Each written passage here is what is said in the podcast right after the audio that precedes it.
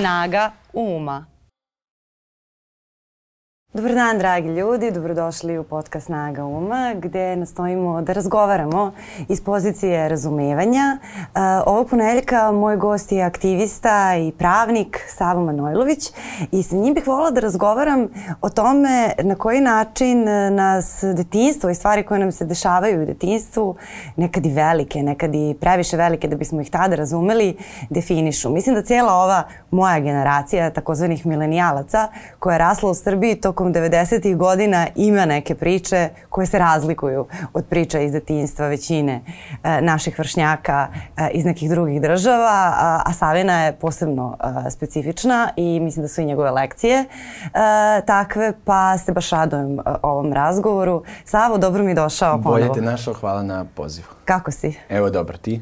Evo, isto odlično. E, kao što sam i rekla u najavi. E, šta misliš, da li nam je definisao generaciju taj, taj period 90-ih? Pa sigurno, to je inače generacija koja se nalazi na svetskom nivou, na prelazu između onog analognog doba i mi smo generacija koja je osetila obe stvari. Znači, mi smo one što su roditelji kažnjavali jer su ostajali duže da igraju uh, uh, futbal, da jure po šumi, ali i one što su kažnjavali kada, ne znam, uh, treba da vežbaju matematiku, a oni odu u igronicu pa zaglave igrajući neke video igrice. Tako da je to jedina generacija koja u suštini ispoji ta dva sveta, analognog i digitalnog. Da, to jeste. A, a sa druge Srbiji, strane da. je generacija koja je 90, koja je odrasla u tome kad starije generacije pamte neki sistem red rad e, disciplina, neka država koja je davala ljudima ma, sigurnost ili možda iluziju sigurnosti kako ko e,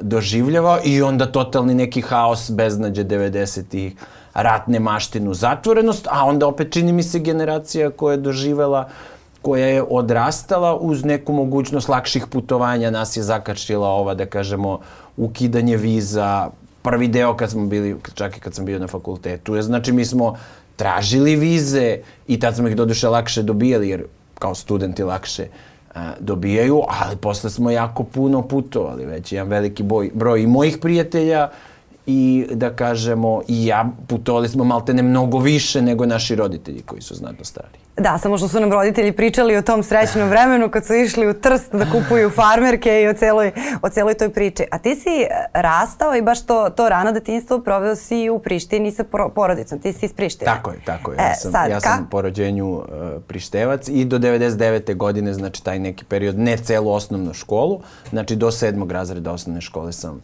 uh, proveo u Prištini. I kako si dečak bio tada? Pa dobro, ajde, to, to možda bolje druge kažu.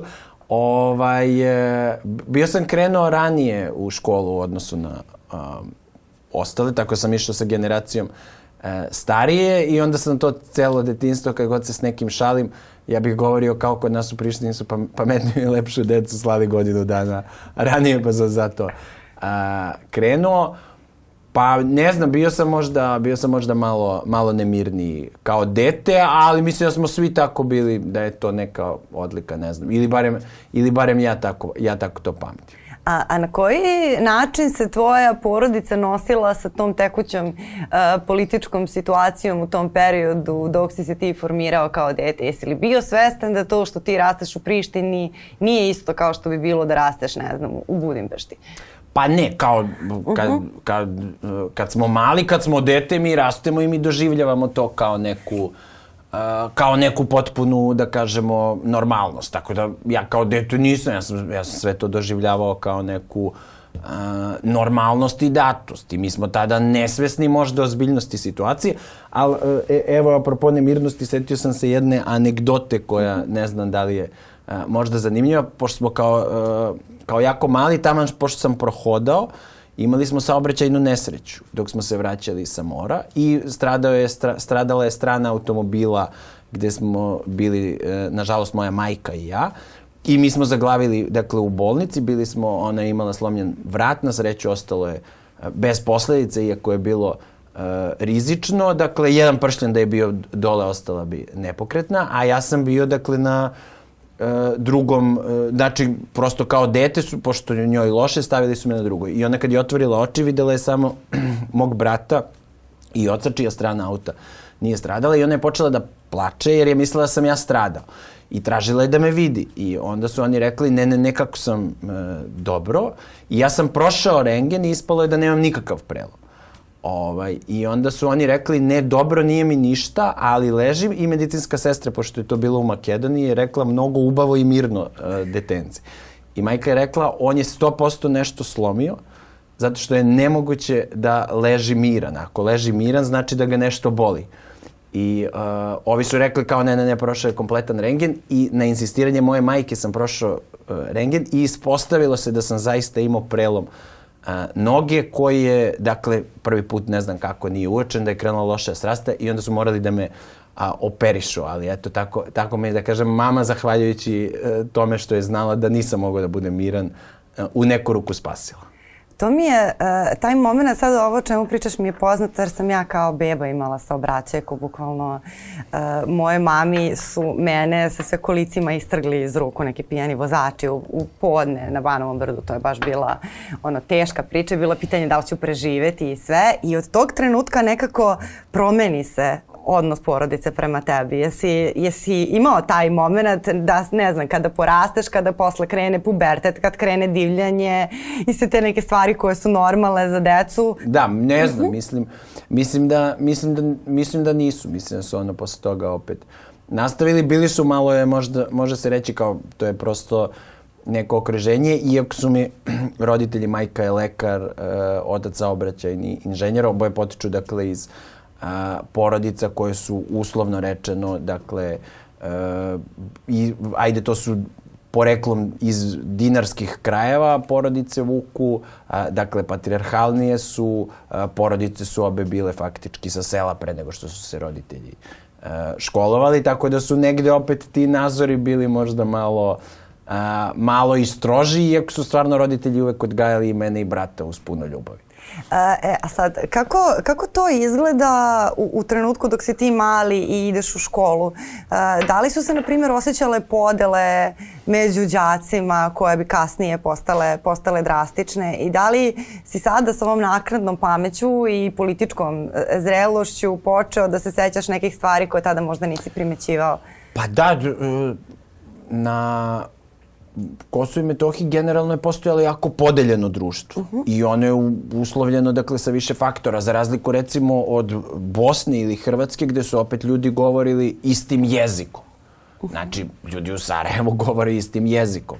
E, između Hrvata i Srba, a pogotovo u vremenu komunizma vera nije bila neka razlika. I čak i kad vidite nisu kod nas baš toliko e, ni te crkve prepune, pa sada su njima te neke, je, neke verske razlike, da kažemo, bitne. I generalno u mentalitetskom smislu, dva dalmatinca, bez obzira kako se izjašnjavaju, ili Sarajlije, su bliž, bliži po nekim shvatanjima, navikama, nego sada recimo da li je neko da li je neko musliman iz Pazara i musliman iz Sarajeva ili uh, pravoslavac, ne znam, iz Beograda uh, i, i iz recimo Banja Luke. Uh, na Kosovu, s druge strane, postoji i ta jezička barijera, donekle su drugačije već i u, ne mislim na bilo koji način pežorativno prema uh mhm. bilo kojoj zajednici, ali u civilizacijskom smislu se razlikuju, dakle, drugačije su dosta navike i društva su bila podeljena, čak mi nismo, znači, škole, iako su korišćene, recimo, u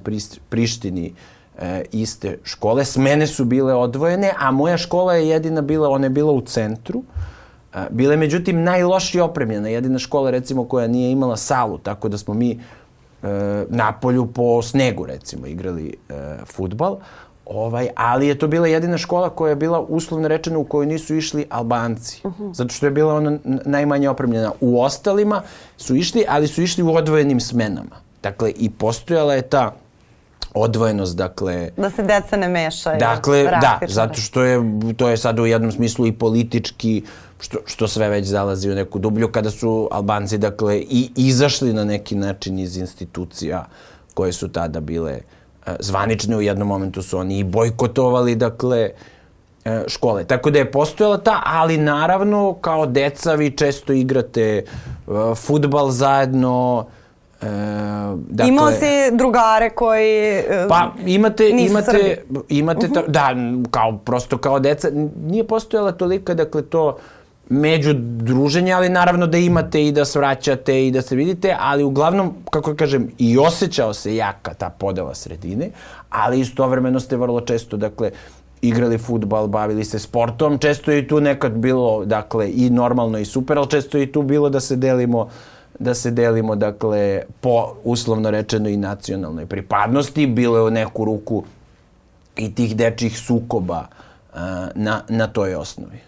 Kako, bi, kako je to otprilike izgledalo? To te pitam baš zato što meni je sada upalo u oči skoro je bila, bila vest e, kako se jedna učiteljica, ako se ne vram, znači ne nastavnica reče osnovne školi, požalila roditeljima na Viber grupi e, da su dečaci u slučionici e, pevali pesme koje, podraz, mislim sada ne želim ni da citiram, ali podrazumevaju reči ubi, zakolji e, i upućene su ka kosovskim albancima na, sa jednom ogromnom količinom mržnje, pritom to je u Beogradu.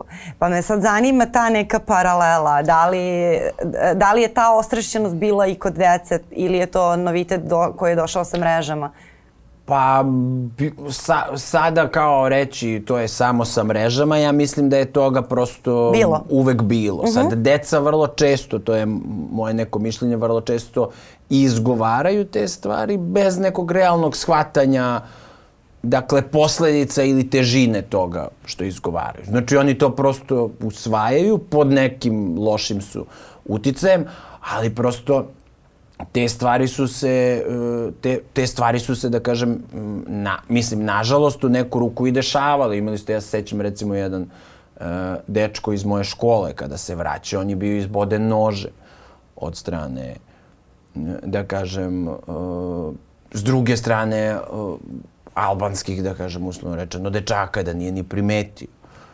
Znači bio... I onda vam je to funkcionisalo kao jedno jako vrsta surovog uh, detinstva, gde se vi posle toga okupite, pa vi sad idete u taj njihov kraj znači, da se tučete. Znači, su izbola dečaka zato što je Tako Srbin je, zato već što tada, je, da. Zato što je Srbin. Imali ste, znači, to i na dečijem nivou, ali vi, vi ste rasli u nekom okruženju gde, recimo, uh, dolaze uh, Mm, recimo, ajde, eto primer, kafić u kome je izlazila, da kažemo, su izlazila deca i, i, tak, i kafići su često bili podeljeni ko gde izlazi, uh mhm. -huh. ali kafić gde su recimo izlazili uh, srpski srednjoškolci, bila je bačena bomba u jednom momentu. I ta bomba se recimo odbila od uh, Osims uh mhm. -huh. prozora i pala je dole i detonacija je razbila. To je recimo kafić u kome izlazio moj brat i to je nešto što vas u tom momentu kao dete ipak ono kao štrecne.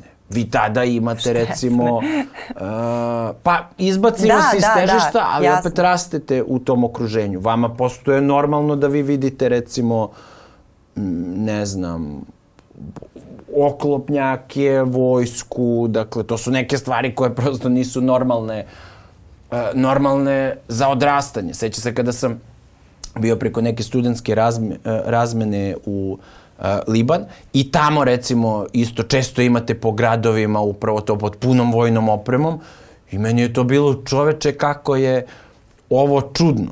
Kad ti sad krećeš noću ili ne znam otpratiš devojku i onda se svetaš gradom i ti vidiš, nailaziš na uniformisane ljude sa dugim uh, sa, sa dugim, ne znam, cevima ili oni zaustavljaju i vrše pretres uvek iz prelaska u grada u grad, a onda shvatiš da, da, da si ti to živeo u detinstvu. Da.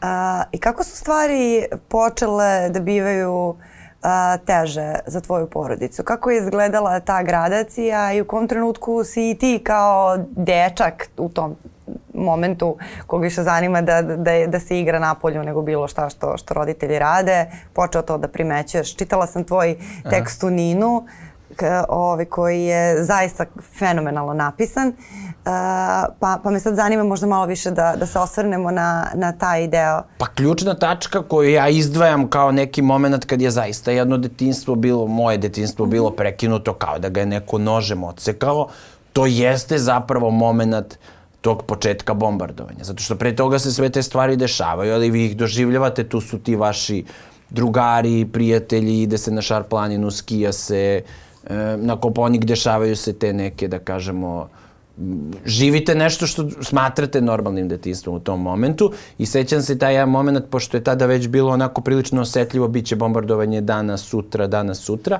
Sve škole nisu radili, tadašnja škola Aca Marović po mnogo čemu specifična je ipak radila, ali je cana biologičarka trebala da pita kako je najavila i mene i ja razmišljam kao da li sad da učim ili ne, a brat mi kaže, pošto njegova gimnazija ne radi, kao je bolje ostani pa da igramo basket uh, ceo dan. I ja pošto sam voleo tada, uh, mislim i sada volim, ali tada, ta, uh, ta, tada sam češće upražnjavao u praksi, ja odlučujem da kao ipak to iskoristim i da furnem sa, uh, uslovno rečeno, sa ceo dan iz škole.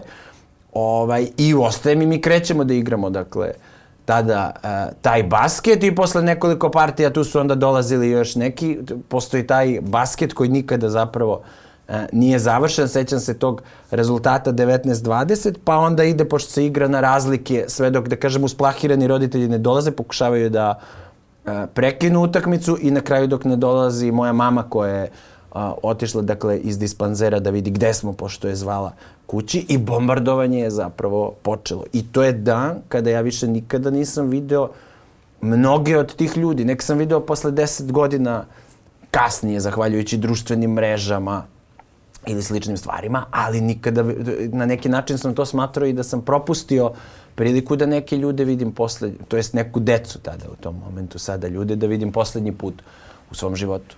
Či tebi je majka lekarka? Da što znači da je ona isto u posebnom, uh, na posebnom nivou pripravnosti, pretpostavljam kao i svi medicinski radnici, radnice što su, što su bili, kada je krenulo, kada je krenulo bombardovanje i kako ti uh, počinješ da kopčaš šta je, šta je u stvari rat i kako to nije super, neće odgovarati. Aha. Jer pretpostavljam da je prvi, prvi instinkt bio, e super, ovi su krenuli taman, sad ćemo...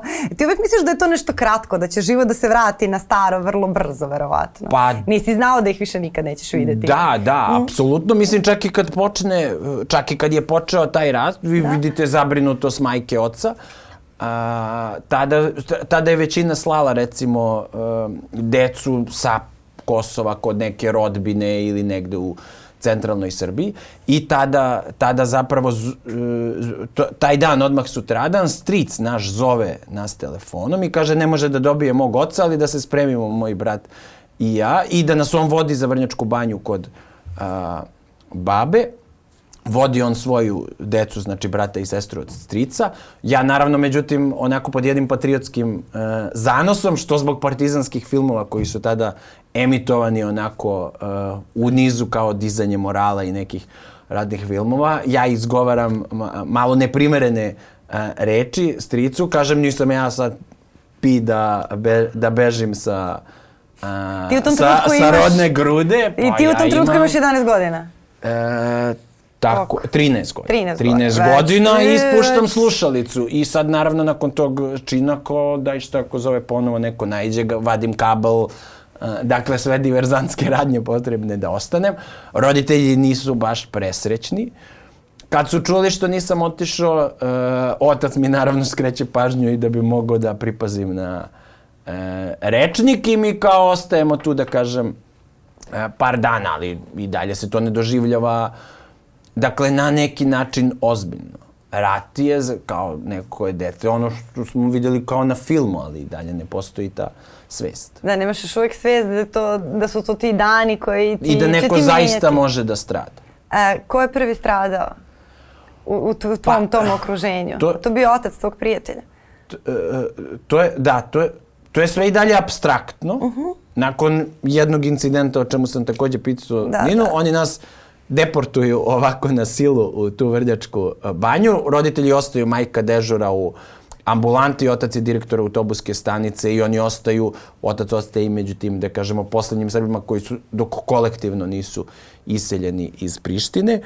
A ja u Vrnjačkoj banji se igram i meni je i dalje fenomenalno, zato što kao od marta nema škole, to je najduži raspust koji sam ja imao u životu, a deca znaju šta to znači. I meni je to ostalo kao, glu, ružno zvuči, glupo Jeste, zvuči, pa ali meni je, bo, toga. meni je bombardovanje ostalo kao neka uživancija gde se po ceo dan vozi bicikl, gde se radi šta god hoće, roditelji su tamo, mi smo sa babom, bratu ja, bukvalno gazde, e, što se kaže. ja sam tada i prvi poljubac, dakle, ovaj, doživeo, tako da je meni taj period nešto, dakle, i mi se sad non stop igramo košarku na čuvenoj kocki uh, u Vrnjačkoj banji i sad tamo često postoji, pošto smo mi bili među mlađima, kod starijih često imaju deca koja, dakle, imaju taj možda malo odnos da uh, su nasilni prema mlađima ili nešto. Ja sam neko ko tu uvek pruža otpor i postoji jedan dečko ćelavi koji je uvek, da kažem, izuzetno cool i dobronameran prema nama, uvek nas brani, ne da bilo kome da nas maltretira i mi ga svi mlađi obožavamo. Dakle, volimo ga, to je ćelavi, simpatični dečko, krajnje dobrodušan. I mi tako celo leto uh, provodimo, stiču se neka prijateljstva, prvi poljubci, sve to i dalje deluje. Kod roditelja se primećuje stres, uh, odlazi se iz Prištine, vrši se prepakivanje stvari, šta će se desiti. Stan koji smo imali ni do dana danas nismo uh, dakle, niti prodali, niti imamo mogućnost upravljanja njime. On je na neki način uzurpiran i otet. Uh -huh. I sad sve se to i dalje tako dešava, dok meni brat jednog dana ne kaže da je otac od tog dečka ubijen i izboden nožem. I njega su zatekli, prvi on je živeo u zgradi u kojoj su živeli moji deda stric, znači brat od moga rođenog dede i njegov sin moj stric. I oni su ga zatekli sa, ne znam, petnestak uboda iskasapljenog. Dakle, to je bilo nakon što je završeno bombardovanje, nakon što su se povukli, dakle, vojska i policija. I u tom momentu ja shvatam da taj e, dobrodušni e, ćelavi dečko koga smo svi mi zavoleli, odjednom nema oca i da svi mi možemo da izgubimo nekog bližnjeg i onda čujem recimo priču da e, da je otac zapravo ostajao tamo dok mu nisu došli i rekli da ima dve opcije. Da će biti ili ubijen, pošto je među poslednjima ostao u zgradi, ili će moći da pode. I dok ne shvatam da recimo pre toga dedi dva puta, znači starom čoveku, razbijaju recimo prozor, da on bukvalno sam sedi u svom stanu sa pištoljem pored, znači ispod jastuka i da on i otac kad odu da zamene, znači prozor, njima komši albanac kaže, e, zamenit ću vam prozor, ali ne možete preko dana da mi dolazite, dođite ili rano ujutru, jer ne smeju ostali da vide da neko komši Srbinu menja Da to dakle, je u dakle- svim tim, tim ratovima specifično da imaš te neke ljude koji su ostali, da kažem, komšije svojim komšijama, ostali da. ljudi uprkos ludilu, ali ti tu uvek moralo da se krije, samo se... Da, i, ima recimo mhm. priča da je za vreme bombardovanja, da, da su čak i moji roditelji sreli jednog starog komšiju Albanca, da je on, e, da su ga videli, da je tada bilo i naravno s druge strane, e, dakle, svakakvih stvari prema njima i da ga oni pitaju šta radi, da li izlazi, da li se plaši, da li ovo. I oni, pošto su došli, tada je bila i nestašica hrane i svega, i oni od dve hrane daju uh, njemu jednu kesu hrane i odlaze i moj otac ga obilaži posle pet dana, opet mu donosi da bi mu onda ovaj albanac rekao, znaš kako, hvala ti puno, cenim ovo, nikad neću zaboraviti, ali nemoj više da dolaziš zato što ću ja imati problema uh, sa svojima, a i ti, on mu prvo u stvari kaže nemoj ti da dolaziš, da nemaš, i on je rekao kao pa treba biti čovek da uh, se pomogne onda je on rekao da, ali ja mogu da imam problem zato što mi kao Srbi donose hranu. A šta to konkretno znači? Da li si saznao? Kako bi taj problem za njega izgledao? Jesi li Pa dobro, mislim, mislim bilo da... je, mm, kao sada to je, znači postoje situacije da su, tada su kao Da bude označen kao izdajnik. Tako je da. i ubijen, znači da. prosto su to. se dešavali ubistva čak e, na Kosovu i nakon tog rata ste imali među samim Albancima te vrste likvidacije. Onih koji, znači, koji su želi da pomognu Srbima pa, na bilo koji Ili način. to, ili koje su doživljavali kao na bilo koji, znači, bukvalno se išlo da se mora napraviti ta podela i taj sukob između ljudi. Znači, tu za ljudskost nije bilo mesta. Ona je na neki način isključivana, ali i unutar i na političkoj sceni posle to, tih golikih banaca te stvari su rešavane recimo ubistvima zato što opet imate da je njihova ta prva politička elita deo znači sem Rugove koji nije učestvovao u mhm. ratu, deo, je, deo su bili vojni komadanti OVK, koji su opet zaista na neki način ratovali, mnogi su ono i optuženi za ratne zločine, ali su učestvovali znači u tim momentima kao deo, deo nekog ratnog krila. I sada to je trenutak e, tvoj otac i tvoja majka imali su mogućnost da prodaju taj stan u, u kom ste vi živeli, pretpostavljam i tvoj deda, i da na neki način otpočnu zajedno sa, sa decom, sa vama pa, mi nismo život. mogli znači da prodamo taj stan, on je uzurpiran i jednostavno nemamo kontrolu. Mislim pre njim. toga, da, da, pre, da, da, da, pre da, toga, da, da, da, da, ste, da ste želeli na neki način apsolutno, to. Apsolutno. Ove, vi ste si mogli da otpočete novi život sa tim novcem na neki način koji je da, da, da. bliži selidbi, a dalji od nečega što je praktično progon. Tako je, tako je. E, tako. međutim, ostajete do kraja, do tog trenutka kad e, postaje pitanje života.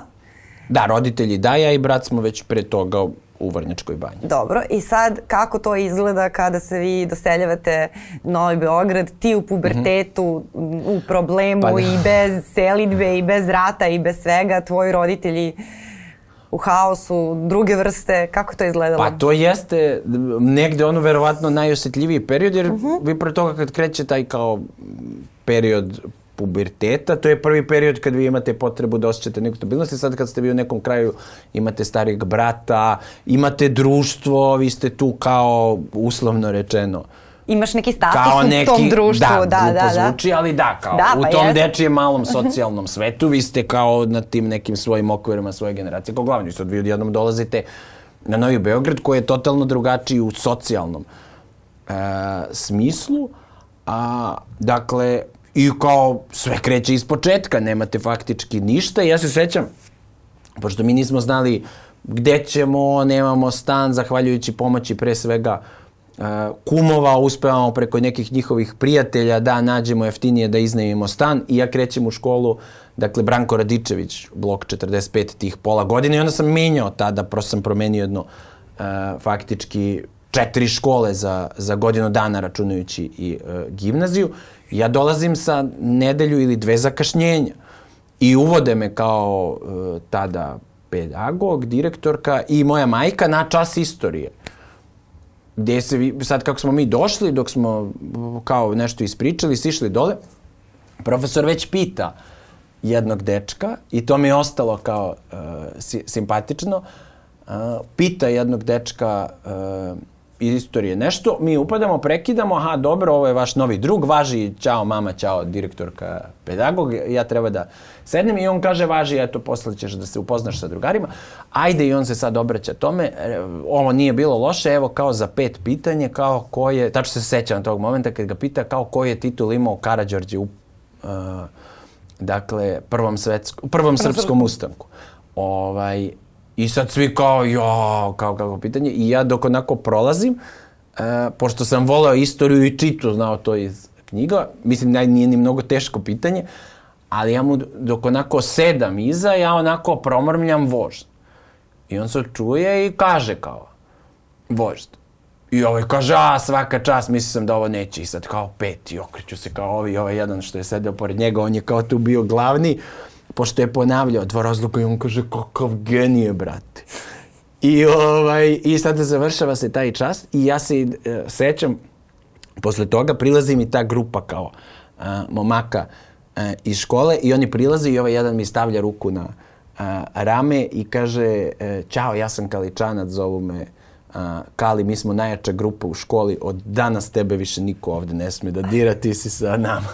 Tako da je meni to to, to mi je recimo ostalo ne, neka stvari, naravno to je bio da, sada da. neki da. totalno drugačiji svet, kao što je posle bio drugačiji svet u Banović Strahilja na uh, Banovom brdu, ali je zanimljivo bilo sada to totalno neko bacanje u nove uh, u nove situacije u kulturološki svet. Da, i to, i to su jako osetljive, osetljive godine za, za dečaka. Ja sam baš razmišljala, e, to je, inače je specifično e, kod mladih ljudi, naročito kod mladih dečaka, kada im se tako na taj način u tim osetljivim godinama otrgne ono što su oni smatrali um, zagarantovanim. Bilo da je neki od roditelja ili to kuća u kojoj si živeo. Ti se rodiš i smatraš da je ta neka priča priča u kojoj si se rodio tebi zagarantovana, da ti to pripada i da ništa to ne može da, da poremeti. Onda kad se poremeti tako rano, uh, ljudi se vrlo lako uh, odu u tu stranu da budu ljuti na ceo svet i da imaju oće da im ceo svet nešto duguje u stvari. Da, mislim da smo to nešto Da, to smo pričali zato što me to jako zanima, da, taj, ali taj ja moment nisam, kod tebe. Da, ja, da. ja ga nisam imao. Uh -huh.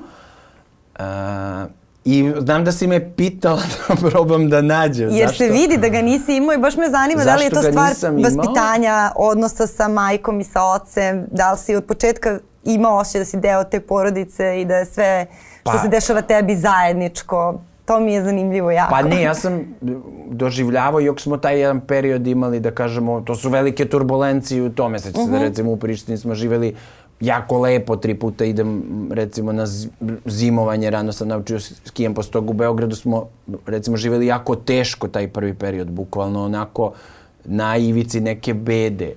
Ovaj, a mene negde to nije mnogo uh, uh -huh. potreslo, nije mi bio, sad ne znam, možda mi nije bio bitan taj kao materijalni uh, deo, ali zapravo, ne znam, ja sam sve vreme, čak i kao dete, uvek život doživljavao da ne znam, bio sam zahvalan na tome, pa je i u tom bombardovanju meni je sreća bila to što ja kao po ceo dan sada vozim biciklo koje sam zamišljao da je MIG vojske e, Jugoslavije koje ja kao vozim, pa kao kroz to kad nailaze automobili, ja kao pucam na njih i obaram ili po ceo dan igram sada košarku, što je meni tada bio san snova, ili čitam neke knjige bez, bez toga da moram da sedim A, recimo, seća se, tada sam pročitao roman Sudija, koji me je verovatno kasnije dosta opredelio, seća se par rečenica iz toga koje su me opredelili i odredile neku vrstu mog doživljaja prava. A, tako da sam ja uvek bio zapravo e, zahvalan i mislim da sve te neke životne situacije uh, stavljaju i mislim da zavisi od perspektive čoveka. Sad ne bih da zvučim kao oni life uh, coachevi, ali kao stvarno mislim da ima taj segment kao da li je mislim da svaka situacija nosi zapravo ili ja volim da život posmatram da nešto što se dešava je ili šansa ili iskušenje ili pouka da te kao prosto i negativne negativne stvari nisu da kažemo ne treba ih doživljavati kao negativne, a pogotovo u celoj toj situaciji zaista vi morate da budete zahvalni na jednoj prostoj činjenici, a to je da ste vi kao porodica svi ostali živi. Znači, meni je recimo ujak tada bio uh, pripadnik vojske Jugoslavije na Kosovu gde imate ratno dejstvo. I ljudi su tada ginuli. Znači, ja, mm, ja mislim da je najbilo bitnije ostati, znači sve ove neke druge stvari su, nisu toliko bitne. I ta promene sredine možda jeste stresna, ali recimo ova mhm. priča opet pokazuje koliko su, ajde, u tom momentu uh, bili divni ti, uh, ti, dakle, momci, odnosno u tom momentu, dečaci s Novog Beograda koji su me uh, prihvatili. Tako da, da ne znam, prosto sam, uh mhm. -huh. uvek sam se radovao tim nekim tim ne zvučiš sada kao life coach, mnogo toga jeste stvar perspektive, to, to niko ne spori. To je life coach, čevi govore kako malte ne mi možemo da uključimo i isključimo svoju perspektivu uh, uh, nakon da. dva, tri odgleda na YouTube videa, to je nešto što je mnogo dublje ukorenjeno da. i u karakteru, ja, i u temperamentu, u svemu. Tako da ja ne mislim, zvučiš kao Ja mislim da to jeste. da. Mislim, ne znam, da, ja sam da. kao zahvalan sam, mm. iako je to bilo jedno okruženje, ta škola je prosto, tu je bilo dosta dece koje su bilo u tom momentu i povezana sa maloletničkim kriminalom, recimo znam da su ono, dešavalo se neko ode u prodavnicu, uzme, glupo zvuči, ali paket sladoleda ukrade da, da. i dođe i deli po celoj školi ili ne znam, recimo obiju um, obiju trafiku, a i to je bio totalno neki drugi svet u uh mhm. -huh. odnosu na moj, ali bilo, sećam se recimo, jednom da niko nije znao da uradi zadatak iz matematike i da sam se ja javio i uradio i da je profesor a, matematike, rekao on je bio isto nešto, da li je poznavao nekog ili nešto i rekao je kao, e, evo super, evo kao, evo ti karte za uh, utakmicu Beopetrola. I ja sam onda vodio ove, uh, ovu ekipu koja je bila i tamo smo, ne znam, tamo smo, mislim, mi smo bili klinci, uh, osnovna škola, ali tamo smo upoznali cheerleadersice koje su tad bile starije, tipa srednja škola, naravno mi smo njima bili, e, nismo ništa uradili u tom smislu, ali smo se, ali smo se svakako odmah zaljubili. Uzeli brojeve telefona, bili smo im prosto ovako simpatični, časkali s njima, što je za nas tada bio fenomenalni uspeh i onda nam je profesor dao opet. Sve se da je tada igrao ovaj košarkaš Čabarka pa za Veo Petrov. Rezultat utakmice se ne seća. E sada, uh, ti nakon što si proživeo ceo taj, ceo taj deo na Kosovu i uh, kada prosto znaš kako izgleda kada jedna grupa vrši pritisak na manjinu da ode odatle, Uh, dešava ti se posle, posle mnogo godina u nekim zrelim godinama kada si ti već doktor prava, uh, da ne ilaziš na priču koja se dešava u nedeljicama, koja je drugačija, ali koliko je u stvari drugačija? Ja stvarno, i to sam više puta i uh, rekao, bez mm -hmm. trunke želje da zloupotrebim bilo čije emocije, uh, pritisak s kojim se suočavaju ti ljudi mm -hmm. i to teranje njih da se uh, oteraju sa svoje zemlje mene podsjeća na sudbinu, dakle, koju smo mi ovde viđali kroz izbeglice sa uh, područja Bosne, Hrvatske uh, ili Kosova. Znači, taj moment koji ja uglavnom znam kroz više priče, pošto sam posle u Prištini, ja žive u urbanim sredinama, ali uh -huh. moja porodica je recimo tri puta uh, proterivana sa Kosova. Znači, oni su došli iz, uh, sa područja Crne Gore, A, tamo su bili, onda ima neka priča, a, našli čup, napali ih Albanci pre Balkanskih ratova. Uh -huh. a, pradeda kao neko ko je e, ko je bio u, i u Balkanskim ratovima i u Prvom svetskom ratu. Dakle, posle toga se opet vraća na Kosovo, a pred drugi sve, na drugi svetski rat kad je počeo, znači bili su određeni za likvidaciju cela porodica, to je ono što sam pričao, kada ih je spasio komšija a, Albanac, oni se vraćaju pre onog dakle, zakona koji je zabranjivao Srbima povratak na Kosovo, koji je doneo Tito, uslovno rečeno, posle toga i kad su ih kolonijalizovali za Vojvodinu, oni se vraćaju pre toga i ja sam neku ruku treća generacija. Znači, ti principi uvek funkcionišu tako da vi u jednoj sredini, kada hoćete da raselite nekog, vršite pritisak, pa onda krećete da otkupite od nekog. Uh -huh. I to je ono što viđamo u nedeljicama. I onda se stvara među ljudima taj odnos sumnjičavosti, pritiska, pa nekome kaže pa čekaj što si ti sada budala, ovo me dali grdne pare, tebi će na kraju da otkupe uh, za džabe, besplatno to, pa se ti tu mučiš, troši živce i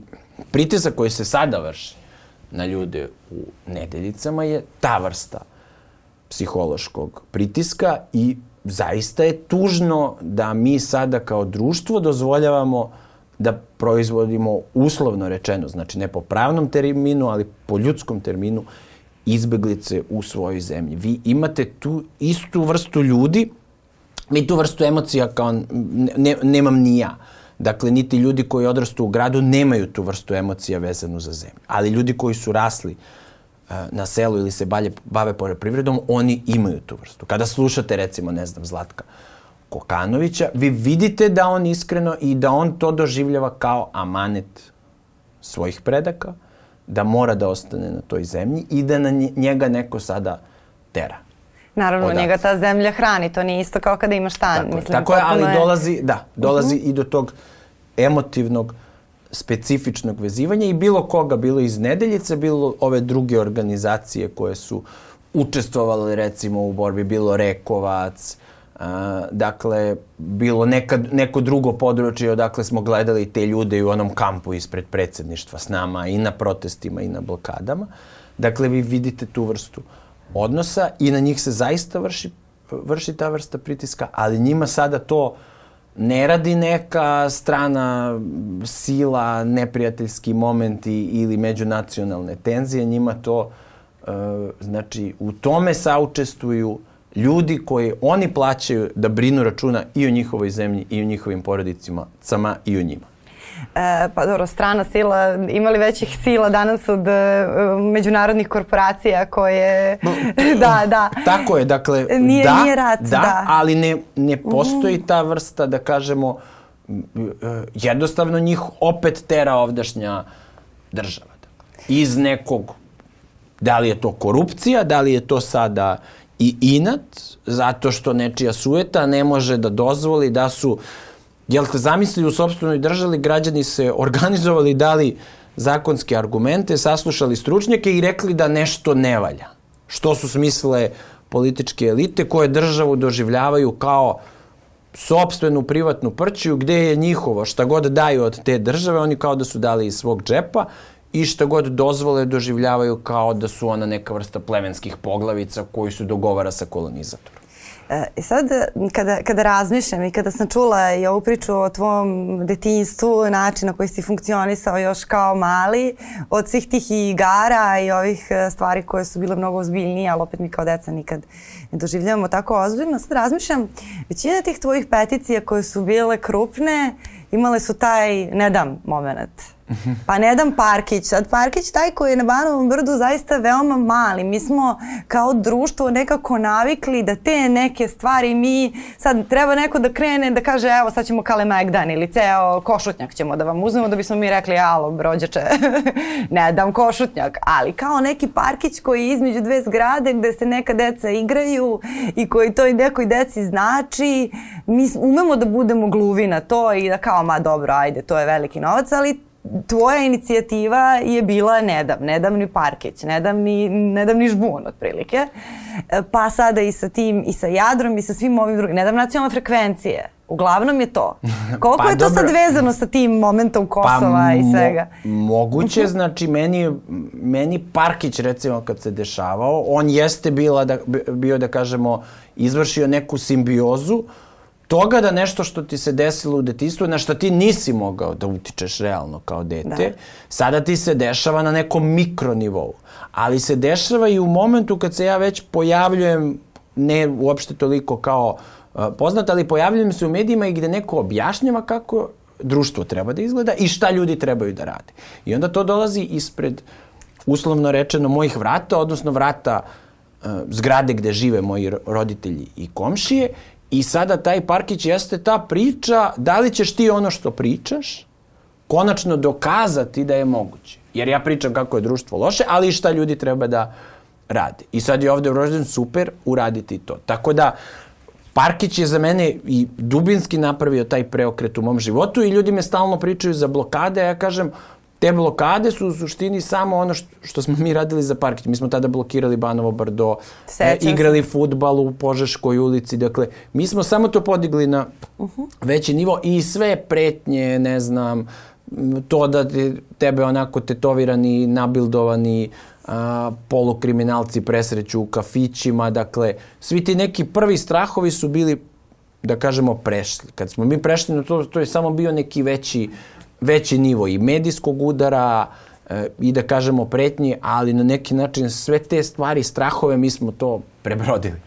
Da, i ti si prebrodio mnogo ranije, da kažem, u mnogo nekim težim, težim okolnostima. Tvoja porodica, to jeste. Pa da. Svi mi živimo sudbine naših najbližih na neki način.